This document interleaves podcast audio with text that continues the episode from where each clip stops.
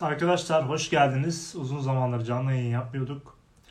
Şimdiki canlı yayınımız acil hemşire ile ilgili. Acil Hemşireler Derneği Başkanı, Türk Acil Hemşireler Derneği Başkanı e, Gülbin Konakçı ile canlı yayın yapmış olacağız.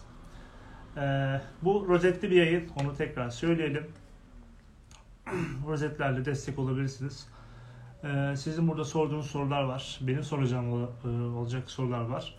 Bunları konuşacağız acil hemşireliği ile ilgili çünkü çok fazla e, deneyimi var aslında. E, Gülbin Hanım'ı tanıyan bayağı e, vardır diye düşünüyorum ben Türkiye'de. Kendisi Ege'de e, çalışmış ve e, uzun yıllar çalışmış bir hemşire ve akademik anlamda da şu an için doçentliğini e, almak üzere diye hatırlıyorum ben. E, kendisine soracağız zaten. E, Ege Üniversitesi Hastanesi acil servis sorumlusuydu en son. Sonrasında da İzmir Demokrasi Üniversitesi'nde e, öğretim üyesi olarak devam ediyor işine. E, hepiniz hoş geldiniz. Umarım iyisinizdir. E, biliyorum ki sayfada e, birazcık böyle ne, nasıl oluyorsa bilmiyorum yani sayfalar belli bir yere geliyor sonrasında bir duraklama dönemi oluyor. Sonra ya ilerliyor ya da geriliyor. Böyle bir durum var. Bunu ben de yaşıyorum. Çok yoğun çalışıyoruz. Siz de çok yoğun çalışıyorsunuz. Ee, bazı konuları burada tartışıyoruz sizle. Ee, şimdi isterseniz hemen Gülben Hanım'ı, Gülben hocamızı davet edelim canlı yayına. Buradan istek ve görüntüde problem varsa lütfen bizi uyarın. Ona göre düzeltelim. Yayını kaydedeceğiz. Hocam merhaba, hoş geldiniz. Merhaba Okan, nasılsın? İyi, siz nasılsınız? İyiyim ben de, teşekkür ederim. E, tabii ekran ikiye bölününce biraz daha herhalde Bir geriye alabilirsiniz şöyle, geriye doğru götürebilirsiniz isterseniz. evet biraz daha geriye doğru götürmem gerekecek. Evet. Hocam e, ben tanıttım aslında da çok fazla tanıtamadım. Yani şimdi siz kendinizi bir tanıtın. Çünkü çok uzun bir kariyeriniz var. E, yani nasıl söyleyeyim? Benim, sizin 40'ta biri falan değildir belki de yani. Valla Orhan aslında bana çok kısa geliyor. Yani herkes böyle söyleyince aa 22 yıl mı 25 yıl mı falan diyor ama zaman nasıl geçtiğini açıkçası e, hiçbirimiz anlayamıyoruz. E, yani sizler de öylesinizdir. Daha dün gibi hani acilde çalıştığımız, başladığımız, hemşirelikte öğrenci olduğumuz yıllar. Valla bana da öyle geliyor. Yani 25 yıl oldu ama toplamda e, hala herhalde o ilk, ilk hemşire olmanın heyecanını yaratan e, olayları tekrar tekrar hayatımızda yaratmak bence e, mesleğin içerisinde canlı kalmayı e, gerektiriyor. Ya da meslek öyle gerektiriyor. E, ya da ben iç görüm konusunda biraz daha çalışmalıyım gibi geliyor bana. Belki de e, gerçek olan odur. E, ben Gülbin Konakçı. Hemşireyim. E, yaklaşık 22 yıl hemşirelik yaptım. İlk e, Ege Üniversitesi o zamanki e, hemşirelik e, yüksek okuluydu. Orada öğrenciliğime başladım. Mezun oldum. Ege Üniversitesi'nde hastanede e, beyin cerrahisi yoğun bakımı işe başladım. Açıkçası hemşirelikle tanışmam orada oldu diyebilirim. Çünkü e, hepimiz biliyoruz her ne kadar e, eğitim sistemi iyi olursa olsun e, öğrencilikten hemşireliğe başladığınız anda gerçekten o bildiklerinizin hiçbir işe yaramadığını düşündüğünüz anlar oluyor. Aslında biliyorsunuz mekanizmayı, teorik olarak her şeyi. Ama o uygulamaya geçtiği anda hele hele yoğun bakımsa, hele hele acil servis gibi böyle dinamik yerlerdeyse bir anda diyorsunuz ki tamam hiçbir şey bilmiyorum yani kala kaldım. E, fakat sonra bir gün bir bakıyorsunuz kıdemli olmuşsunuz. Her şey yerine oturmuş. Tek başınıza karar verici olmuşsunuz. O da sanırım e, ilk nöbetinizde oluyor size hasta verdiklerinde. Benim de öyle başladı. Beyin cerrahisi yoğun bakımda hemşirelikle tanıştım. Hemşirelikler yönüyle tanıştım yoğun bakımda. Um, orada çözüm üretmeye, kriz yönetmeye e, başladık e, hemşirelikte ve orada çalıştığım birçok üstad dediğim, hala görüştüğüm, hala kendisine e, hitap ederken üstad dediğim insanlar var ve hala hemşirelik yapıyorlar. Onlardan çok şey öğrendim. E, iyi ya da kötü hemşire olarak e, değerlendirmiyorum e, hemşirelik yapanları. Sadece e, hemşirelikte bir şey isteyenler ve bir şeye inananlar var. Ben e, sanırım şanslıydım. Hemşireliğe inanan insanlardan hemşireliği öğrenerek başladım. Daha sonrasında e, yöneticim artık e, daha çok yer görmem gerektiğini düşündüğü için beni supervisor'lığa gönderdi. Sağ olsun. E, böylece de hastanenin her yerini tanıma fırsatım oldu. Bence bana e, verilen en büyük şanslardan biriydi. Her ne kadar gönderilme ya da gitme amacımız her iki tarafta farklı olsaydı da ben hep kazanç tarafına baktım açıkçası ve böylece e, cerrahi birimler, dahili birimler, işte acil gibi e, dinamik birimler, akut birimler bunlar arasındaki hemşirelik uygulama farklılıklarını ve hemşirelik e, yapma farklılıklarını görme şansım oldu. Sonrasında e, yine e, her yerde olduğu gibi bizde de eleman eksikliği vardı. Bir 6 ay kadar gece müdürlüğünde çalıştım. Bu sefer hastanın e, hastanenin idari biriminde olan sorunlar hakkında bilgi sahibi olma şansım oldu. Sonra dediler ki birkaç yer daha gör istersen hani hep aynı yerde olmayalım. sonrasında diyalize başladım. Yetişkin diyalizle başladım, hemodiyalizle. E, gerçekten e, hemşireliğin bambaşka bir yönünü gördüm yetişkin hemodiyalizde. Çünkü e, kronik hastalarla hiç o kadar iç içe çalışmamıştım. Kronik hastalıkların bu sefer psikososyal yönlerini, e, oradaki hastaların e, sosyal yaşamda neler yaşadıklarını görme fırsatım oldu. Daha sonra çocuk e, perison diyalize verdiler. E, orada sertifikalarımı aldım. Bir işte üç buçuk yıl kadar orada çalıştıktan sonra ee, sonra rahmetli e, Yusuf Erşahin beyin cerrahisinin hocası dedi ki Gülbin yani bu kadar yer dolaştın ettin bu kadar da azmettin ve her gittiğim yerde de gerçekten e, birçok yayın ve çalışmalarım oldu. Hiç boş geçmedim yani. Ee, o da dedi ki bunları aslında hani bir artık bir önüne ünvan koydursak mı, bir yüksek lisansa başlasan mı sen Öylelikle bir yüksek lisansa başlama hikayesi oldu. Ee, Katip Çelebi'den Yasemin Tokem Hoca'nın bu konuda çok desteği vardır. Şu an Ege Üniversitesi Hemşirelik Müdürü olan e, Reyhan'ın bu konuda çok desteği vardır.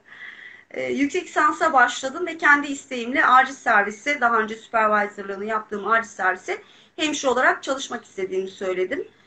Ee, sanırım o dönemde kaç yıllık mı 10 yıllık falandım.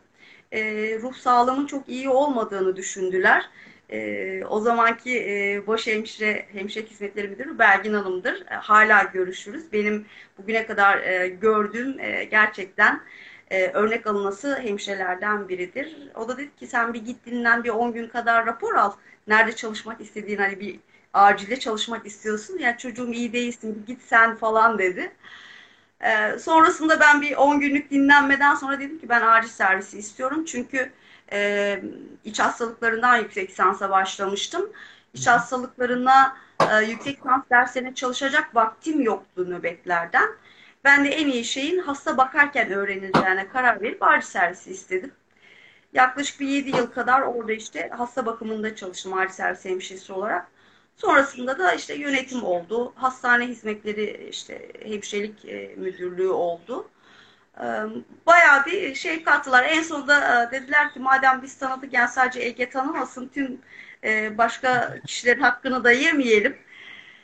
E, tabii işin şakası bir tarafa. E, klinikte çalışırken doktora bittikten sonra doçentlik için e, çok uğraştım kalmaya. Çünkü e, aslında akademik alandaki ben e, PhD hemşireliği denilen e, bir hemşirelik var. Yurt dışında birçok arkadaşımız bilir. Bu doktora hemşireliği ama bunun dışında da bir DNP hemşireliği var. E, klinik doktoralı hemşiresi demek. Klinik doktoralı hemşiresi e, nedir? E, halk sağlığı dışındaki tüm e, akademik e, alandaki işte çocuk sağlığı, e, cerrahi, dahiliye bütün e, akademisyenlerin hastane içerisinde hasta başında demek. E, ben onun olabileceğini, her şart hastanede uygulanabileceğini e, gerçekten Don Quixote gibi e, göstermeye çok uğraştım ama e, doçentlik kriterleri için ders vermek gerekiyordu. O dönemde de e, şu an kendimi çok şanslı hissediyorum. İzmir Demokrasi ile e, Demokrasi Üniversitesi ile yollarımız kesişti. Ve 2018'den beri de orada öğretim üyesi olarak devam ediyorum. Yani 25 yıl bakın ne kadar kısa gibi geliyor değil mi insanlar? Aslında çok uzun evet. bir süre değil yani. 10 dakikaya sığıverdi. Şimdi şöyle oluyor. Yani insanlar bunları tabii ki sizin 25 yıllık bir deneyiminiz var. Ee, bir yıl çalışıp işte birçok şey görüp belki bir ya da birçok şey gördüğünü düşünüp meslekten soğan insanlar var ya da ne bileyim çok çalıştığını düşünenler var ya da ne bileyim bir şey öğrendiğini düşünenler var. Ama işte yıllar yıllar geçen süreçte her şey değişiyor. Hastane değişiyor, uygulamalar değişiyor, tedaviler değişiyor. Siz bunlara rağmen mesela işte kendinizi geliştirmemiz gerektiğini mesela her defasında bunu söylüyoruz. Ki mesela yeni jenerasyonda da bence bu çok daha önemli. Ki erkek hemşirelerin de zaten meslekte çok fazla olmasından dolayı e, hemşirenin hakları ve şeyi savunması açısından çok daha iyi olduğunu düşünüyorum ben. Eskiye bakaraktan. Eskiden iyi miydi? Yani iyiydi ama çok daha iyi hale getirileceğini düşünüyorum ben. Özellikle son şu dönemlerde maaş konusu çok fazla konuşuluyor. Evet. Şimdi sizin e, supervisor'lık geçmişiniz var. E, işte NRŞ yoğun bakım yani beyin cerrahisi yoğun bakım gerçekten kolay bir yer değil. Ben arkadaşlarımdan da bunu duyuyorum. Hani basit bir yer gibi görülmesin. Çok güzel yerlerden geçmişsiniz bence. Hani hemşirelik anlamında birçok yeri öğrenmişsiniz, görmüşsünüz. Acil mesela özellikle zaten başlı başına birçok vakanın geldiği ve kriz yönetiminin çok iyi olduğu yerlerden bir tanesi. Ee, siz burada da sorumlu hemşirelik yapmışsınız. Hem işte idari kısımda da çalışmışsınız. Aslında burada izleyenlerin de görmek istediği yani bir hemşire işte nerelerde çalışabilir, neler yapabilir. Bunun aslında birçoğunu yapmışsınız. Ee, hani insanlar merak ediyorlarsa bana değil aslında size sorsunlar bu soruları. İşte e, kendilerine göre işte nereye seçme konusunda işte hastaneye geldikleri başladıkları zamanlarda işte sorumlu hemşirelerle işte konuşulup işte uygun bir boşluk varsa oraya istekleri yapılıyor genellikle. Ondan sonra oraya gönderiliyor. Peki yani bunları yaparken en çok keyif aldığınız yer neresiydi? Yani ben yani buraya aitmişim e, dediğiniz. Şimdi her ne kadar ekranda böyle e, sabit durmak zorunda kaldığım için oturuyor gözüksem de ben e, hiperaktif bir insanım. Tanılı bir hiperaktifim. E, sanırım bir insanın başına gelebilecek en güzel hastalıklardan biri hiperaktivite. E, o yüzden e, şimdi beyin cerrahisi yoğun bakımın ayrı bir yeri var benim için. Çünkü dediğim gibi hemşireliğe üstadlarla orada başlamak gerçekten hemşireliğin aslında ne olduğunu öğretti bana. Ama e, yani gerek süpervizörlük olsun gerek diğer e, baş hemşirelik dahil olmak üzere e, hepsi bir kenara acil hemşireliği kesinlikle bir kenara. Yani acil hemşireliğinde çünkü e, yani hem e, yapıma uygun e, acil hemşireliği öyle düşünüyorum. E, çünkü e, e, oradaki o ani krizler aslında bir kaos var ortada. E, ama kaostan bir düzen yaratmanın e, getirdiği bir motivasyon da var. Yani e, mesela ben acilciler olarak sen de acilcisin. E, bize sorun diye bir şey yoktur. Düşünülmemiş çözüm vardır. Yani o an birisi düşünmemiştir ve mutlaka birisi düşünecektir o sorunla yönelik. Yani sorun diye bir şey acil serviste kabul edilebilir bir şey değil. O yüzden hani ben acil serviste işte çalışıyorum şöyle sorunlarımız var dediğinde sanırım diyorum düşünülmemiş çözümler var. Yani olaylara bakış açımızı bence biraz daha farklılaştırdığımızda e, acil servis hemşireliğinin bambaşka bir yönü var. Tabi orada e, rahmetli Cemile Akpınar'ın acil hemşireliği konusunda katkıları çok fazla. O bambaşka bir dünyaydı çünkü. Acil serviste hani ilk başta baktığınızda e, iki yol var. Yani ya biter ya gider şeklinde. Ama öyle değil. E, hele son dönemdeki acil servisler 3 gün yatan hastalar, 5 gün kalan işte 3 evet. hafta bekleyen, sıraya koyulan e, vesaire hastaları düşününce yani bir, bir tarafta acil serviste akut krizle uğraşırken bir tarafta da palyatif bakım veriyorsunuz hastalara. Bir tarafta gerçekten e, sosyal e, işte işlerle uğraşan arkadaşlar gibi hastanın sosyal bakım desteğine yardımcı oluyorsunuz. İşte hangi huzur evine gönderelim, hangi bakım evine gönderelim. O anda da toplu kaza geliyor. Bu sefer akut işlere gidiyorsunuz. Şimdi seninle de ilgileneceğim ama şu an önce bir akutları halledeyim. Sonra gidiyorsunuz işte her şey bir sakinleşiyor. Tam bir şeyler yesek mi? Ee, yani bunu artık siz benden daha iyi biliyorsunuz. Tam bir şeyler yiyi verelim, içi verelim diyorsunuz. Bu sefer e, hasta yakınından zaten yiyip içmekten başka bir şey bilmiyorsunuz. Şurada bir saattir bekliyorum kimse almadı gibi bir tepkiyle karşılaşıyorsunuz. Yani e, sizin de insan olduğunuzu unutan çünkü e, bir e, durum da söz konusu. E, ve ben hep e, şunu e, özellikle söylüyorum.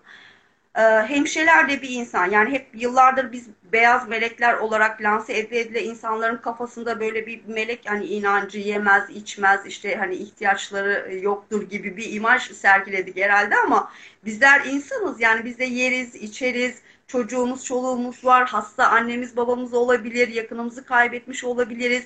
Yani biz de dışarıdaki normal bir insanın yaşadığı bir hayatı yaşıyoruz aslında ama bunu acil servis içerisinde, bulunduğumuz süre içerisinde belli etmiyoruz. Ee, ama her şeye rağmen acil hemşireliğini çok farklı görüyorum. Benim için acil hemşireliği bambaşkadır. Hem o hızıma uygun geliyor, o enerjimi e, harcayabileceğim. Hem de acil serviste e, bir konuda her şeyi, her konuda bir şeyi bilmek zorunda olmak e, gerçekten çok güzel. Çünkü e, merak ettiğin her şeyi görebilme imkanı var. Hele hele bizim gibi e, işte üçüncü basamak e, yoğun bakımlardaysanız ya da işte acil servislerdeyseniz, e, büyük şehirlerdeyseniz e, o vakaları görmek, e, o vakalarla e, neler yapılabileceğini, hemşire olarak ne katkıda bulunacağını e, görebilmek bence e, muhteş, muhteşem bir duygu. Bir de dediğim gibi kriz e, çözmeyi e, seviyoruz zannediyorum. Yani ben acil serviste kalan yıllarca ki hale bunlardan biridir sizin sorumlu hemşireniz. E, dönüp dönüp acil servise gelmemizin nedenlerinden biri de bu herhalde. O kriz yönetiminde olmayı, e, insanların hayatlarına ilk o akut devrede e, dokunmayı seven insanlardınız. Bazıları Stockholm sendromu olarak görüyor. Hani acılardan beslenen insanlar olur ya bağımlılık yaratır ama ben öyle bakmıyorum. Çünkü eğer acil serviste gerçekten isteyen değil, inanan bir hemşireyseniz hayatın size saniselerle neler kazandırabileceğini ve neler kaybettirebileceğini görme şansınız var. Yani olaya bu açıdan bakarsanız servis hemşireliğinden vazgeçmek mümkün değil. Bence de öyle. Ben de mesela bunları düşünerekten geldim. Ee, çok dinamik, her şey her an değişebiliyor. Kapalı arrest gelebiliyor. Bunlara hızlıca müdahale ediyorsun. Yemek yerken yemeğini bırakıp gidiyorsun. Ee, hastaya müdahale etmen gerekiyor. O an hasta önemli. Ama sizin de dediğiniz gibi işte orada ben yemeğe gidiyordum gidiyorum dersen işte atıyorum hasta yakında bunu duyarsa bak adamlar çalışmıyor işte şeye gidiyor falan filan gibi oluyor işte dışarıda bakılmayan ya da ne bileyim sırası gelmeyen ya da akut bir şekilde tedavi edilmesi gerekmeyen bir hasta beklemekten şikayetçi oluyor. Ki bu aralarda CİMER'e şikayet etme gibi bir durum var. Herkes bir CİMER'i öğrenmiş. Bundan sonra ben de CİMER yazacağım. Onu da söyleyeyim. Yani çünkü herkes bir alıyor CİMER'i yazıyor. Tamam iyi güzel ama güzel şeyler de yazın diye biz mesela geri bildirim veriyoruz hastalara, hasta yakınlarına. Ee, gerçekten çok zor, çok stresli bir durum. Yani ben de mesela düşünüyorum böyle 10 yılını geçirmiş, acildeki işte bizim çalışanlarımız var, bizim hemşirelerimiz var. Ben gerçekten hani, ne bileyim, büyük bir sabır yani orada o kadar zaman geçirmek diye düşünüyorum. Şimdi e, peki hocam şimdi en fazla böyle en sizi derinden etkileyen vaka neydi bu meslek hayatınızda? Şu vaka hiçbir zaman unutamıyorum dediniz. Ya şu vaka geldiği zaman çok kötü hissetmiştim kendimi ya da ne bileyim yani Orhan Ege Acil'den bahsediyoruz. Ee, evet, yani, çok e, hangi, evet. yani her vaka aslında e, derinden etkile, etkileyen e, vakalar e, olmuştur. Tabii çünkü hani tek bir vaka olarak belki söyleyemeyeceğim ama e, sanırım en yakınlarını, sevdiklerini o acil serviste kaybetmiş olmak insanı etkileyen en büyük şeylerden biri. Bir de kişilik olarak ben çocuk hastalardan çok etkilenirim. O yüzden hiçbir zaman çocuk hemşiresi, iyi bir çocuk hemşiresi olamayacağımı hep belirtmişimdir.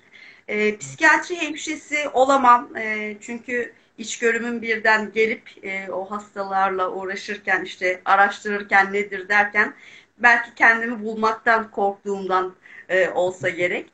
E, o yüzden de psikiyatri hemşiresi olamam diye düşünüyorum e, acil serviste. Ama acil serviste dediğim gibi çocuk hastalar beni nedense çok etkiliyor. E, o empatim biraz sempatiye kayıyor herhalde çocuk hastalarda. Bir de çocuk hasta sadece çocuk hasta olarak gelmiyor acile biliyorsun annesi eğer tabii e, travma dışında e, annesi, anneannesi, dedesi vesairesi e, yani her bir elindeki o çünkü acil servisler tanısı belli olmayan hastaların geldiği yer ya. Yani e, o yüzden o ilk başta o stresle, e, o korkuyla, o kaygıyla, hayatta kalma kaygısıyla gelen e, insanların çocuklarına bakmak benim için her zaman e, çok daha zor olmuştur. Ya da çocukla ilgili haberleri vermek her zaman daha zor olmuştur. E, toplu kazalar zaten biliyorsun. Yani o kadar çok şey yaşandı ki hani ne beni çok etkiledi. E dediğim gibi en en çok değer verdiğin dostlukların acil serviste e, kaybetmiş olmak hem de kendi çalıştığın acil serviste sanırım onlar biraz iz bırakıcı oluyor. Evet. Bence de yani gerçekten aynı düşünsenize. Yakınınızda bir bakıyorsunuz acil servisi sedyede görüyorsun. Evet. Çok kötü bir durum. Şimdi birkaç soru da buradan soralım. Arkadaşlarımız sorduğu sorulardan. Ee, heh, Simge diye bir arkadaşımız sormuş. Şimdi şöyle bir şey. Siz daha iyi bilirsiniz ki Türkiye'nin değişik acillerinde bizim çalıştığımız 9 Eylül, Akdeniz, Ege Üniversitesi gibi bu hastaneler gibi olmuyorlar. Yani çok basit bir hastane e, sevk yapıp gönderiyorlar. Sevk yapıp gönderiyorlar. Hemen yatırıyorlar ya da. Bizim çalıştığımız acillerde, saydığım acillerde e, hastalar tedavi alıyorlar, yatış yapılıyor. Yani işte kontrol troplar alınıyor, işte ne bileyim. Çünkü çok fazla yani gönderebilecek başka bir yer olmadığı için tedavisi bu hastanın orada oluyor. Ve başka bir yere de göndermiyorlar. Bir de böyle bir şey vardır. İşte Ege genel kolay kolay sevk etmez ya da 9 Eylül kolay kolay sevk etmez. Çünkü gururuna yedirmezler gibi. Yani çünkü, çünkü bu büyük bir hastane oldukları için onlar. Böyle bir durum da var. Dediğiniz gibi çok fazla vaka görüyorsunuz. Ama işte arkadaşlarımızın çoğunluğu burada çalışmadığı için, periferde çalıştıkları için onlar da çok fazla vaka göremiyorlar. İşte acil hemşiresi ama 10 yıllar acil hemşiresi ama işte 9 Eylül ya da Ege'de görülen bir yıllık vakayı belki de adam 10 yılda belki anca görmüştür. Öyle bir durum da var. Arkadaşımızın sorusu şu. Acilde çalışan her hemşirenin ekstra acil eğitimi zorunlu olmalı mı sizce diye sormuş. Yani yaşam desteği, işte acil sertifikası şu an zorunlu mu? Zorunlu değil herhalde. Yani olması gerektiği, e, şimdi acil servislerde çalışan hemşireler biliyorsun Sağlık Bakanlığı'nın sertifikalı yetkinlik sağlayan acil hemşireliği kursu var. Hı hı. E, İzmir'de de e, şu an şeyde e, sanırım e, Katip Çelebi Devlet Hastanesi e, Araştırma Hastanesi'ne devam ediyor. E, Suat Seren'de başlayacaktı bildiğim kadarıyla. E, bunlar Sağlık e, Bakanlığı tarafından e, onaylanan sertifikalar ve yetkinlik veren şeyler, e, sertifikalar hemşirelere. Bence her acilde çalışan hemşire almalı mıdır? Kesinlikle almalıdır. Yani sizin periferde küçük bir acilde olmanız, hasta yoğunluğunuzun az olmasını gerektirebilir ama acil servisler sadece hasta yoğunluğu e, farklı e, düşünülsün e, açısından bakmadığınızda acil servislerin gelme amacı yaşamda kalma zaten. Periferdeki küçük bir acile bir arrest vakasının gelmeyeceği kesin mi? Yani kesinlikle gelir. Yani siz e, periferde de işte e, 100 yataklı bir hastanede olsanız da acil servisinize arrest gelir. Siz e, 1500 yataklı olsanız da acil servisinize arrest vakası gelir. E, arreste e, nasıl müdahale edileceğini bir hemşirenin bilmesi için mutlaka o konuda hem eğitim almış olması gerekiyor. Çünkü lisans eğitimlerinin ben kesinlikle buna e, yeterli olmadığına inanıyorum. E, ben de lisans eğitimi veriyorum ama çocukların mezun olduklarında bir arrest geldiğinde nerede, kim nerede duracak, e, işte hastanın ayağında mı duracak, başında mı duracak, damar yolunu kim açacak, e, kayıtları kim yapacak, hangi order, kimden order alacak. Bunların ayrıntılı olarak e, verilebilmesi için mutlaka bu yetkinlik sertifikalarının alınması gerektiğini düşünüyorum. Daha da ileri gidip ben aslında acil hemşireliğin ayrı bir anabilim dalı olması gerektiğini düşünüyorum. Ee, işte cerrahi hemşireliği, iç hastalıkları hemşireliği, psikiyatri hemşireliği gibi. Ha, diyeceksiniz bundan sonra tabii öyle yolunu açarsak yoğun bakım hemşireliği de ayrı ana bilim dalı olması gerekir vesaire. Neden olmasın? Çünkü genel bir cerrahi içerisinde, genel bir dahiliye içerisinde acil hemşireliğini e, kayırdığım için demiyorum. Ama farklı olan hemşirelik özel e, dalları var. Bunlar bizim yasamızda da tanımlı. 2010 yılındaki e, e, yenilenen e, yasamızda da hemşirelik yasasında da bu dallar özel olarak kabul edildi. Yoğun bakım hemşireliği işte acil hemşireliği. Bunlar için kesinlikle ayrı bir ana bilim dalının açılması gerektiğini düşünüyorum. Çünkü e, dediğim gibi siz periferde de olsanız 100 hastaya da baksanız 500 hastaya da baksanız 10 bin hastaya da baksanız acil hemşireliğin yapması gereken temel işler, işlemler aynı. Acil gelen hastaya nasıl yaklaşacaksınız? Arrest olan hastaya nasıl yaklaşacaksınız? Ee, yani Türkiye'nin ne bileyim Ege Üniversitesi'nde solunum sıkıntısıyla hasta geliyor da işte e, ne bileyim Kars'taki devlet hastanesine gelmiyor mu? Covid e, işte 9 Eylül'de var da e, şeyde yok mu? Diyarbakır'da yok mu? Her yerde var. Dolayısıyla acil hemşireliğinde nerede olduğunuz önemli değil. Nasıl hemşirelik yaptığınız önemli. Ve bunda da bir standart sağlamak için ben kesinlikle bu kursların e, olması gerektiğini düşünenlerdim. Bence de kesinlikle katılıyorum. Bunu en kısa zamanda ben de almayı düşünüyorum ayrıca buradan söyleyeyim. Ee, bir başka arkadaşımızın sorusuna gelelim. Şimdi mesleğe yeni başlayacak bir hemşireyi düşünelim. Çünkü çok fazla mezunlarımız var artık. Yığıldı, bekliyorlar. Türkiye'de de bir yandan da hemşirelik açığı hala devam ediyor. Diğer evet. ülkelere baktığımız zaman aslında yurt dışında İngiltere, Amerika olsun çünkü konuştuğum, konuştuğumuz ve araştırılan şeylere göre hala bir hemşirelik açığı var. Yani hemşirelik istihdamı az. Ama Türkiye'de ise hemşireler fazla ve hemşirelik e, şeyi de sayısı da az aslında burada baktığımız zaman. Bir servis açılacağı zaman hekim sayısına değil de hemşire sayısı yeterli mi diye bakıyorlar öncelikle. Ondan sonra oraya hekim bulunuyor. E, genelde bu şekilde bizde servisler açılıyor. E, böyle bir durum var. Yani Türkiye'de şimdi mesleğe yeni başlayacak bir hemşire için acil servisi önerir misiniz diye sormuşlar. Yeni başlayacak olanlara önce nereden başlamaları gerekir sizce? Ya da hangi tip özellikleri olan arkadaşlar acile başlasın ya da başlamasın? Yani e, şöyle keşke e, bu canlı yayına katılanlardan biri varsa e, o da konuşabilir. Ben hemşirelik müdürü olduğum dönem içerisinde yeni alım yaptığımız hemşirelerde yeni başlayan arkadaşlara bir ay boyunca acil serviste e, rotasyon yaptırdım. Oryantasyon programlarını bir ay acil serviste geçirdiler. Çünkü acil serviste ve yoğun bakımda çalışan hemşire, orada yapabilen hemşire nereye koyarsanız koyun hemşireliği devam ettirir. Hatta şükrederek devam ettirir. Evet. Eğer acil hemşireliğinden gerçekten o, o süzgeçten geçmişse ve acil hemşireliğine ait olmadığını düşünüyorsa bir genel cerrahi yoğun bakıma verdiğinizde ya da işte bir e, dermatoloji servise gittiğinde e, her gün hemşire olduğu için orada şükreder hale gelir. O acil servisin kaosunu gördükten sonra ya da yoğun bakımdaki hastanın o bakım e, yoğunluğunu gördükten sonra. Dolayısıyla ben yeni başlayan hemşirelerin zaten kesinlikle e, yoğun bakım ve acillerde başlaması taraftarıyım. E, bu oryantasyon programları da biliyorsunuz hızlı yetiştirmek adına e, bir online işte kesici delici alet yaralanması vesaire bilmem ne hemen online görülüyor. O ertesi hafta bir acil serviste içini görüyor. Daha bu ilaç ne demeden nöbete koyuluyor. Yani adı oryantasyon programı oluyor. 15. günde bir bakmışsınız tek başına işte da, e, e, dahiliye biriminde ya da işte bölümlere göre değişebiliyor acillere göre. E, travma biriminde yalnız başına gelmiş. Yani kapıda travma kapısında ayakta hastaları karşılar vaziyette görüyorsunuz. E, o yüzden hani çocuklara da o kadar büyük bir e, stresi yaşatmamak adına ben en az oryantasyon programlarının bir ay ve kesinlikle yoğun bakımla acilde olması gerektiğini düşünüyorum. Bence çok güzel bir şey. Yani keşke bizim 9 Eylül'de de bu yapılsa.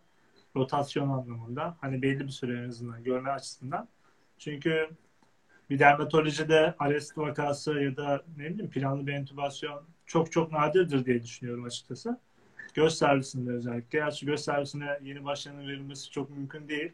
Fizik tedavi bölümlerine de verilmiyor gerçi de. Vallahi yöneticiye göre değişiyor Orhan. Verilebiliyor da. Yani gördük onları da gerçekten. E, Allah nasip etti de daha neler gördük. Sağ olsunlar. E, o yüzden hemşireye bakış açımızı da değiştirdiler. E, ama yani gerçek olan şu var. acil servisi yani ukalaca acil servis böyle çok muhteşemdir. Bu ukalaca söylemek istemiyorum. Gerçekten o yüzden cümlelerimi çok özene bözene seçmeye çalışıyorum ama acil serviste kriz yönetimini öğrenen bir hemşirenin e, başka bir birimdeki krize kriz olarak bakacağına inanmıyorum açıkçası. Çünkü e, oradaki yaşadığı kaos aynı anda hayatta kalma kaygısı olan bir taraftan bağıran, bir taraftan acı çeken, bir taraftan da müdahale edilmesi gereken, hatta bir taraftan e, yoğun bakım hastası gibi bakılması gereken o tüm hastaların arasında onların bakım önceliğini, hayatta kalma önceliğini, girişimlerinin önceliğini, girişimlerin sonucunu takip etme becerisini, stres yönetme, öfke yönetme, e, iletişim becerisini o kadar geliştiren bir kişinin e, serviste yani gerçekten cennete düşmüş gibi olur. Orada öğrendiklerini e, kesinlikle her birimde uygulayabileceği ayrı bir özel dal gibi düşünüyorum ben. Çünkü acile her türlü hasta geliyor. Genel cerrahi hastası geliyor, göz hastası geliyor, KBP hastası geliyor her hastayı görme şansı oluyor. Ve ben e, şuna inanıyorum yani ilaçların e, siz benden daha iyi biliyorsunuz. Ben 2018'den beri alanda değilim ama bir ilacın e, piyasadaki etken maddesi aynı olsa da birden fazla adı olabiliyor. Ve hastane her zaman aynı piyasa adındaki ilacı alamayabiliyor. Oradaki değişmelere bile adapte olmak bir hemşire için bence gerçekten e, çok e, beceri gerektiren şeyler, gözlem gerektiren, zeka gerektiren şeyler. Bence de kesinlikle. Yani yeni başlayacak arkadaşlara yoğun bakım ve acili tavsiye ediyoruz. En azından belli bir Kesinlikle. Ben şart olması gerektiğini düşünüyorum. Öyle hani kesinlikle. zevke de isteye de bırakılsın taraftarı değilim. Ee, yani eğer gerçekten bu mesleği dediğim gibi bu meslekte bir şeyler olmasını istemekle bir şeyler olmasına inanmak çok farklı şeyler. O yüzden bu mesleğe inanan, hemşireliğe inanan ve hemşireliğin hak ettiği şeylerin gerçek yüzüyle farkında olan insanlar için e, zaten benden farklı düşüneceklerini zannetmiyorum bu konuda. Evet. Şimdi Emrah diye bir arkadaşımız sormuş. Emrah arkadaşımız da kendini geliştirmiş ve EKG üzerinde ki Emrah gibi birçok arkadaşımız var bu sayfayı takip eden ve gerçekten hani böyle insanlar araştırmayı seven e, hemşireler bunlar. O sormuş. Acil servis hemşiresi acilde neleri bilmeli diye bir soru sormuş. Yani en temel olarak bilmesi gereken e, ne olması lazım sizce? Yani aslında e, hani biraz önce söyledik bunu. Her konuda bir şeyi, bir konuda her şeyi bilmesi lazım. Her konu ne? Tüm ana bilim dalları, tüm hastalıklar. Hemşire 4 e, sene boyunca lisans aldığımız tüm konular. E, bir konuda her şeyi bilmek ne demek? Acil hemşiresinin kriz anında ne yapacağına saniselerle karar veriyor becerisine sahip olması demek.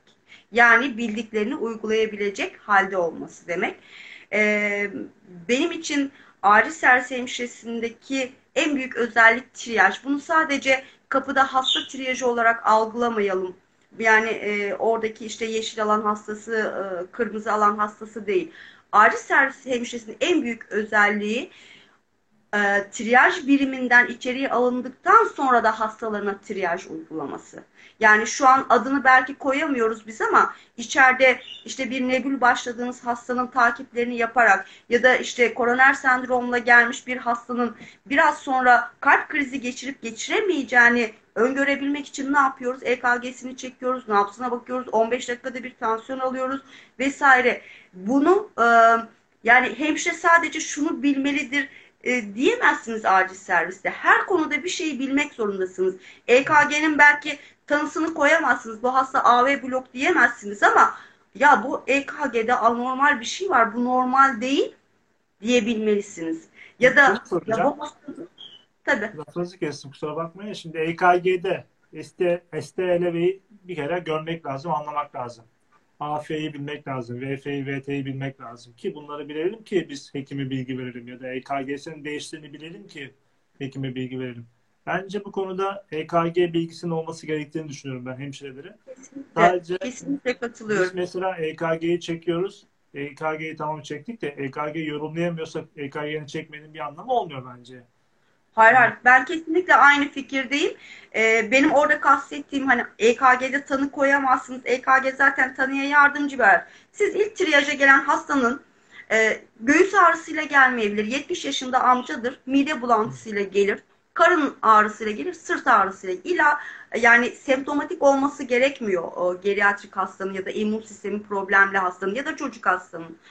O hastaya siz hemşire olarak yaklaşımınızda aa karın ağrısıymış tamam kenara koyayım işte bu yeşil alan hastası ya da bu sarı alan hastası demek yerine ya bu adam 70 yaşında ben buna bir EKG çekeyim yani bu hasta MI de olabilir diyebilmek. O EKG'yi çektikten sonra evet bu hastanın gerçekten geçirilmiş MI de olabilir bu ama şu an akut MI de olabilir. Biliyorsunuz geçirilmişin üstüne de akut da yaşayabiliyor o yaştaki kişiler zaman içerisinde. Onu ayırt edebilmek he, acil hemşiresinin e, yetilerinden biri olabilmeli. Yani oraya gelip sadece sen sarısın, sen yeşilsin, sen mavisin, sen turuncusun.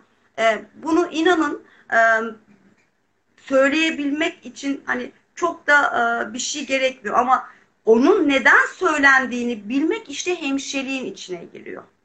Evet, kesinlikle. Ve e, yani sizin gibi e, acil servislerde işte Ege gibi acil servislerde hastalar o triyaj alanında beklerken bile o hastaların retriyaj yapılması, işte tansiyonu düşük gelenin tekrar tansiyonu alınması ya da ya bu hastanın ben siz o yani siz de diyorsunuz ya ben bu bu hastanın rengini beğenmedim. Bu hastanın sanki bir dilinde konuşmasında yok ya bu beni rahatsız eden bir şey var. Ben bir şunu şunu bir tansiyon tekrar alayım dediğiniz noktalar var. İşte acil hemşiresinin yetileri burada başlıyor zaten. Evet. Yoksa al amca sen sarı alansın sıran gelince içeri alınacak orada bekleye dur. Bu, bunu e, bunu söyleyebilecek çok kişi var. Ama e, dediğim gibi o neden söylendiğini, neden orada olduğunu, neden retriyaj yapması gerektiğini bilen hemşire işte acil hemşiresinin yetisi bence orada başlıyor. Bence de kesinlikle. Bizde triyaj e, paramedikler yapıyor bu arada. Hemşireler yapmıyor. Ege'de triyajı hemşireler yapıyor ve daha oturaklı olduğunu ben düşünüyorum. E, keşke biz de triyajı hemşireler yapmış olsa. Başka bir sorumuz var. E, Muhammed sormuş. Acil hemşireler değer görüyor. Mesela şimdi şöyle bir şey. Hasta yakınlarına en fazla yakın temasta bulunduğumuz servis belki de acil servislerdir. Yoğun bakımda temel olarak ayrılan nokta şudur acil servisi. Bir, yoğun bakımda hasta stabildir. İki tane Tanısı hastan vardır. Yani te- temizdir yani hiç hasta yakını falan görmezsin. Sakinsin. Yani hasta, hekim ve sen varsın. Burada başka bir şey yok. Ama e, acilde öyle bir şey değil. E, o acilde hasta yakını, hasta yakınların yakını, hasta, hasta bağırıyor, ekip arkadaşların, kaos ortamı, her şey var yani orada. Ve bu durumla da baş ediyorsun. Ee, peki değer görüyor mu? En değerli hemşire türü hangisi olur? Poliklinik hemşiresi. Yani Orhan e, şimdi çok seninle oluyor falan. e, şöyle bir şey e, benim yani az çok tanıştık ama yine daha e, yani biraz fikir sahibi olmuşsun. Ben e, 22 yıl hastanede çalışırken başladığım günden itibaren şunu öğrendim. Kimse seni değerli kılmaz. Sen kendini değerli kılarsın. Şimdi birileri seni değerli kılsın, birileri senin değerini bilsin. Ama bu işte hani kurban olma mantığı dediğimiz bir şey var. Onun arkasına gizlenip de işte takdir görmüyoruz zaten ne yaparsak vesaire. Bu sadece sorun görmedir, sorun iletmedir. Peki bunun için ne yaptın? Değer görmedin. Tamam. Peki o kişi yani her kimse değer göstermesi gereken bu yöneticin olur, ekip arkadaşın olur, kıdemlin olur, ailen olur. Ee, peki ne hissettin? Yani gerçekten onların demesiyle mi değersiz oldun? Değersiz hissettin. Hayır sen zaten gönüllüsün değersiz görünmeye. Yani e, bundan beslenmek çok farklı bir konu.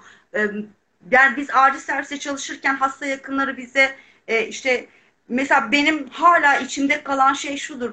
Kliniklerde çalışırken hep işte ameliyattan çıkınca e, hasta yakınları doktor işte hayatını kurtardın hastamızın işte hemşirem çok iyi baktınız der bir böyle yiyecek içecek getirirdi gecenin üçünde beşinde ya derdim şu acilde Allah aşkına hayatı biz kurtardık ilk oraya geldi acil servise ama biz yani Hani hiçbir şey olmadıysa en azından hastama müdahale edin diye bağırdı, küfretti. Hani bir kerecik de biri gözünü seveyim bizim hastayı ilk siz kurtardınız, ilk siz baktınız diye.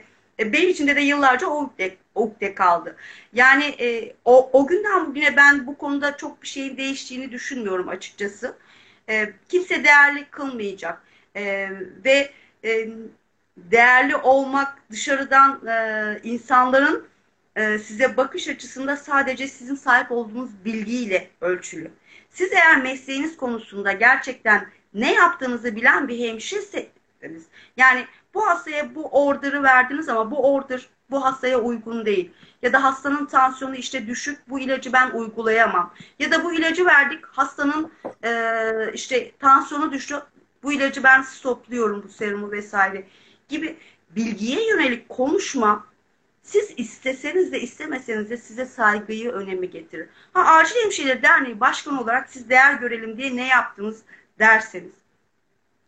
Yani açıkçası e, yani bu konuda dürüst davranacağım. E, bana göre ben elimden geleni yapmış olabilirim ama bakıyorum üye sayısına demek ki diyorum yeterli bir şeyler yapmamışım. Demek ki insanlara yeterince ulaşamamışım. E, çünkü artık e, dernekleşme bazında da hemşirelerin ya ne, ne yapıyorlar ki? Aman oy veriyoruz gidiyoruz. Ne yapıyorlar ki? Ne bir şeyi değiştirebiliyorlar ne bir şey yapıyorlar denilen konuşmaların birçoğunu da duyuyorum. Ve diyorum ki bu bir kişinin iki kişinin üç kişinin bir şey yapmasıyla olmaz. E, bu kadar kolay hemşire olunmakla da olmaz bu haklar. Hemşire olmak bu kadar kolay olmamalı bence. Çünkü bir insan hayatı hakkında karar verici bir insansınız hele hele acil hemşiresi olarak. Bir insanın e, çünkü hekim bazında baktığınızda ne yapıyor? Alıyor işte muayene ediyor reçete yazıyor taburcu ediyor. Geri kalan her şey hemşireye ait. E siz bu kadar iş yapıyorken bir insan hayatının sorumluluğunu bu kadar ben alabilecek güçteyim deyip ama bunun farkında olmuyorsanız e, yani bir iki kişinin toplanmasıyla, bir iki kişinin anlatmasıyla bu iş olmaz.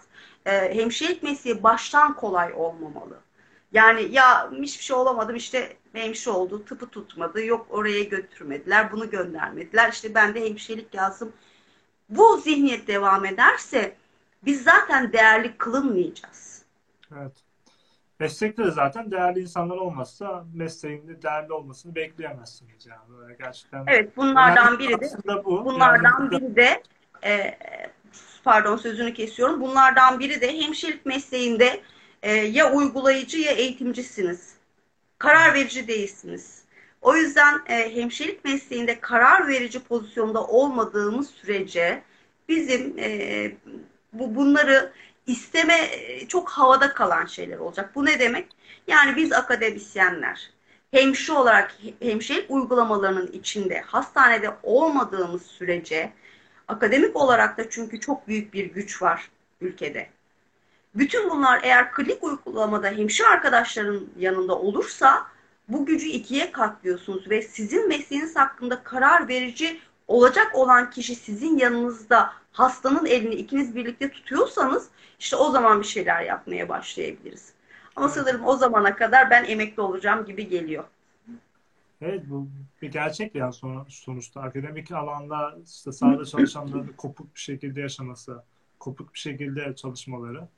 Yani gerçekten ben de yani bugüne kadar ben şu an kaç yıl oldu? Bir buçuk, bir, bir yıl, altı ay, yedi ay, sekiz ay oldu. Ve hala hani bir akademisyenle karşılaşmadım mesela ben. Hemşire akademisyen acil servise gelip hani beraber bir vizit aldığımız ya da beraber bir konu tartıştığımız veyahut da bir araştırma için gelen bir şeyimiz olmadı. Bir arkadaşımız vardı. Onun konularını e, destekliyorduk. Bunun gibi mesela hani gerçekten çok tuhaf değil mi? Yani sonuçta tıpla ilgili hekim aynı zamanda üniversitede eğitim verip gelip e, vizit yapabiliyorsa ya da acil serviste çalışabiliyorsa neden aynısını burada hemşirelerde yapmasın? Birazcık eksik kalan noktalardan bir tanesi bu bence de. Yani e, tam anlamıyla biraz belki bazen e, dozunu kaçırmış olabiliyorum e, cümlelerin ama hastaya dokunmadan hemşirelik öğretilmez. Benim gerçeğim bu. Hastaya dokunan anca hemşire hemşirelik öğretebilir. Bu nedenle ayrı e, hastadan ayrı bir yerde hemşe e, hemşirelik öğretmeye çalışmak işte böyle bir taraftan değersiz kılıyor, bir taraftan kolay kılıyor, bir taraftan da çözümsüz kılıyor ve e, genç yaşta hemşirelerin e, mesleğe başladıktan e, 2-3 yıl içerisinde tükenmelerine neden oluyor. Çünkü nasıl baş edeceklerini bilmiyorlar. Evet. Ha, size yol gösteren oldu mu? Ben mesela seni inanılmaz takipçilerinden biriyim. Ve herkese de söylüyorum diyorum bak ben de yeni çıkan ilaçları piyasadaki falan Orhan'ın diyorum sitesinden izliyorum. Değişiklik olmuş mu işte port kateterlerinde falan iğnelerinde. Gerçekten yenilikleri senden takip ediyorum. O seni de ayrıca e, bu konuda kutluyorum. E, çünkü acil servisten hani iki gün ayrı kalmak bile bir şeylerin değişmesi için yeterli bir zaman. E, oradaki çalışan kişilerin de sürekli mesleki yenilenmelerinin sağlanması için hem o görsellerin hem de e, bu uyguladığı kişi ha, e, e, iş ya da işte uygulama ya da bakım hastada ne yapar? Neden bu bakımı yapıyorum ben acil servis hastasına ya da neden bu ilacı uyguluyorum ya da neden bu ilacı uygulamıyorumu anlatabilmek için bir akademisyen zihniyeti olması gerekiyor. O zaman da işte akademisyenlerin ve uygulayıcıların iç içe olduğu noktaya da biz DMP diyoruz. Hem klinikte olup hem yüksek lisans hem doktora yapıp hem de karar verici olma. Tabii ki e, özlük haklarıyla beraber. İnşallah bakalım hocam. Bunların hepsini yapacağız. Bence şöyle bir durum var. Geçmişe baktığımız zaman çok fazla yol aldığımızı düşünüyorum ben açıkçası. 2010 Kesinlikle. yılında işte bu yüksek lisans şeylerin çıkması, yoğun bakım, işte acil e, işte dahiliye, cerrahi gibi bu birimlerin ayrılması bile başlı başına büyük bir şey bence. E, yavaş da olsa ilerleme kat ediliyor. Belki daha hızlı gideceğiz ilerleyen zamanlarda. Bence güzel bir şey. Bu arada e, şunu söyleyeyim. Rozet gönderen Yusuf diye bir arkadaşımız var. Onu teşekkür ediyoruz ona. Bir de Emel diye bir arkadaşımız var. Yusuf da Kilis'te bir acil serviste çalışıyor kendisi. Onu da çok severiz. Yayınımıza girdi ara sıra. Ee, sık takip eden bir arkadaşımız bize. Sağ. Mesleğini seven insanlar olur ya böyle. Tutunan insanlar. Evet. Yani her ne olursa olsun mesleğini İnananlar. vardır. Ee, biz de bunları gördükçe hoşumuza gidiyor. Ee, Mesut diye bir arkadaşımız sormuş. Laboratuvar okuyorum. Heh, lab- bir de şu var. Ee, iki yıllık bir bölüm okuyup sonrasında DGS ile hemşireye geçmek isteyen arkadaşlarımız var. Siz ne düşünüyorsunuz bu konuda? Şimdi e, çalıştığım ama tabii ki çok dikkatli konuşmam gereken noktalardan birisi bunlar.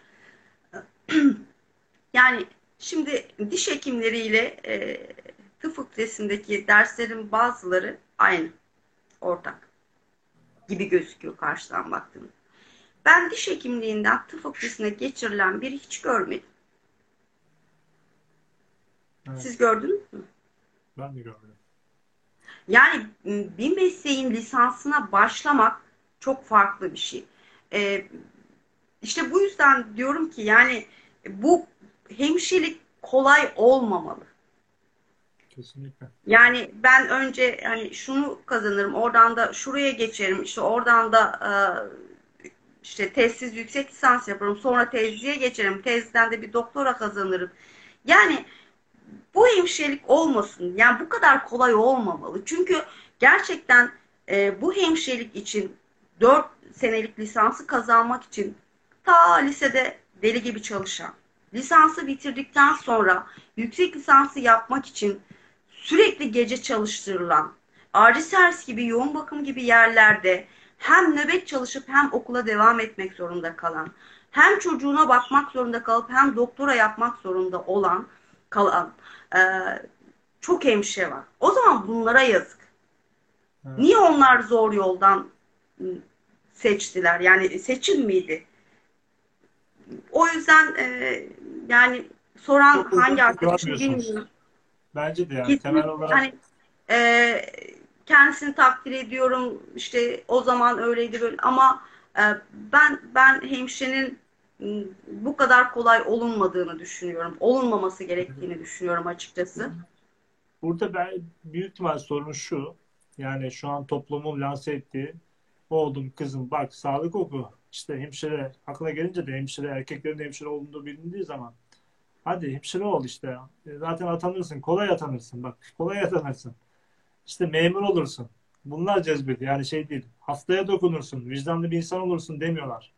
Kolay atanırsan memur olursun lafı var. Aynen. Ondan dolayı insanlar da arkadaşlarımız da bilinçsiz bir şekilde hemşirelik Yani sevmiyorlar. Bu arada yani şunu da belirtmek isterim. Yani hastaneler sadece hemşire ve doktor, doktordan ibaret değil. Ee, biyokimyadaki teknisyen iyi bir teknisyen değilse, iyi bir tekniker değilse o sonucu çalışacak, o sonucu bana gönderecek olan çünkü oradaki tekniker ve teknisyen arkadaş ya da röntgen teknisyeni iyi bir teknisyen değilse mesleğinde bu hastanın tanısından tutun ameliyata gö- götürülmesine kadar giden bir süreci uzatabilecek e, bir olay. Dolayısıyla bir meslek diğerinden daha az e, değerli ya da değersiz ya da işte vesaire e, yani kesinlikle o konuda yanlış anlaşılmak istemiyorum. Çünkü ısrarla bunun anlaşılması gerektiğine dair algılar yaratılıyor. Kesinlikle ben e, yıllarca paramedik ATT arkadaşlarla birlikte çalıştım. Yıllarca 112'den onlardan hasta teslim aldım. Eğer ekibinizde e, hastayı röntgene götüren personeliniz bile işinde iyi değilse siz hastanın hayatı konusunda hep bir gecikme içerisinde kalırsınız. Dolayısıyla evet teknisyenlik mi okuyor? Oku kardeşim bitir teknisyen ol. En iyisi ol. Gel ekipte beraber çalışalım hastanede. Ama ben işte ortak ders gördüm. 2-3 ders aynıydı. Oradan da oraya geçerim hemşirelik. Hemşirelik böyle bir şey değil. Hemşirelik gerçekten 4 yıl okuduğunda bile acil servise başladığında bunun ne olduğunu anlayamayacak kadar afallayabileceksin. Çünkü insan hayatı hakkında karar verici oluyorsun. Paramedik arkadaşlar. Hastaları evden alıyorlar, yoldan alıyorlar. Eğer paramedik iyi bir paramedik değilse mesleğinde o hastanın acil servise kadar gelen o kapı zamanına kadar ki yaşamına karar verici. Dolayısıyla o da çok iyi olmak zorunda. Yani buradaki bence e, ücret farklılıkları, e, işte bu geçişlerin kolaylaştırılması vesaire e, bunlar belki de etken. E, yani iki yıllık bir okul mezunu olmak, dört yıllık bir okul mezunu olmak arasındaki kıyaslamalar. Ama e, dediğim gibi ben hiç beş yıl okuyan e, bir dişçilikten çıkan arkadaşın e, kalkıp acil hekimliği yaptığını görmedim. Evet. O yüzden e, ba- bazı şeyler yerinde kalmalı. Ağırsa ağır. Kesinlikle. Bir arkadaşımız değişik bir soru sormuş. Acilde LGBT'li bireyler geldiği zaman bakış açınız ve yaklaşımınız ne oluyor? Burada hemşire olarak mı Ah. acaba demek istemiş, hasta olarak mı demek istemiş onu anlayamadım ben. Hiç fark etmez. E, çünkü acil serviste kişinin cinsiyeti, dini, e, inancı e, vesairesi sadece saygı duyulur. Acil serviste önemli olan hayatta e, kalması, hayat kurtarmadır. O yüzden e, belki o arkadaş acil serviste çalışmadığı için bilmiyordur ama e, bir gün acil serviste çalışırsa e, acil servis hemşiresinin bakış açısını sadece hayatta tutmak olduğunu e, o da e, anlayacaktır. E, bizim için e, karşımızdaki bir insandır. E, inançlar vesaire sadece saygı duyulmayı gerektirir. O da hasta bakımı süresi içerisinde ama öncelikli olan e, her kim olursa olsun hayatta tutmaktır. Evet, Sevim sormuş. Şimdi yeni başlayanları siz zaten her zaman görmüşsünüzdür. İşte acile başlayanları. Şimdi iğne fobisi olanlar var. Bende de mesela iğne fobisi var.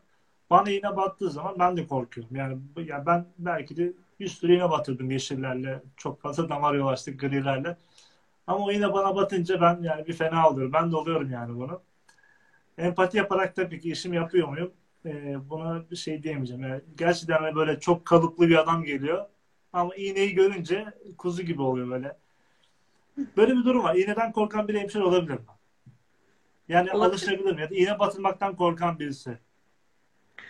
Yani iğne batırmaktan korkmak demek o empati olmuyor. Birazcık sempatiye Yok kaymış yok. O oluyor. farklı bir şey de yani. Evet. Mesela kendisine batırıldığı zaman acı hissediyor, korkuyor. Ama aynı şekilde karşıyı düşünerekten mi davranıyor? Ya da bunu iğne olarak düşünmeyelim de işte kan görmekten, kopuk bir bacak görmekten, işte boğazının kesilmesini, ateşte silah yaralanması görmekten korkan insanlar alışabilirler Yani- bu duruma. Şöyle bir şey. ben herkes acil e, servis hemşiresi e, olabilir e, demedim başta ama herkes bir acil servisten geçmeli dedim. Zaten o yüzden e, hem yönetici olarak hem de kişinin kendisi o oryantasyon programı içerisinde acil serviste çalışabilecek bir hemşire olup olmadığına karar verici hale gelir. Çünkü yönetici de der yani sen iyi bir hemşire olabilirsin işte ama acilde değil. Evet. Yoğun bakımda. Sen çünkü çok iyi bir işte ağız bakımı veriyorsun.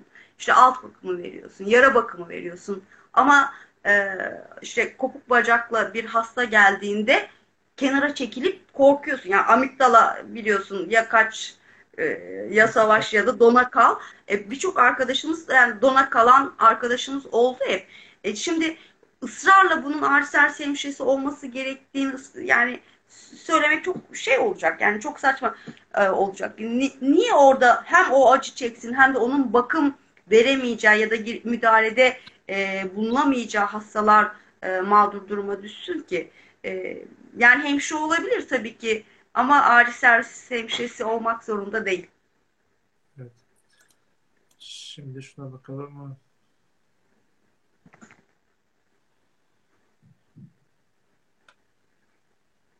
Şöyle yapalım mı hocam? Bir 5 dakika ara versek sonrasında tekrar bir yayın açıp yorumlardan gelen, çünkü yorumları ben kapatmıştım dikkatimiz dağılmasın diye. Yorumdan Tamam. gelen arkadaşların sorularına cevaplamış oluruz. Arkadaşlar Tamam. 5 dakika bir ara verelim. Hem biz dinlenmiş oluruz. Sonrasında sizin soracağınız sorulara Gülben hocamıza yöneltmiş oluruz ve buradan cevaplamış oluruz. En zor soruları, en sorulmayacak soruları sorabilirsiniz diyormuşum. Her şeyi Ha, sorabilirsiniz. yok Sıkıntı yok yok. gerçekten şey açık kürsü burası yani Evet. e, bu mesleğin bir gerçeği var. E, bunu e, simülasyon gözlüğüyle sunmak e, çok şey olur, e, zarar verici olur. O yüzden isteyen herkes, ben de kendi dilimce e, cevaplamaya çalışırım. Peki hocam. Şimdi 5 dakika sonra tekrar yayın açmış olacağım. Görüşmek üzere. Tamam, görüşmek üzere.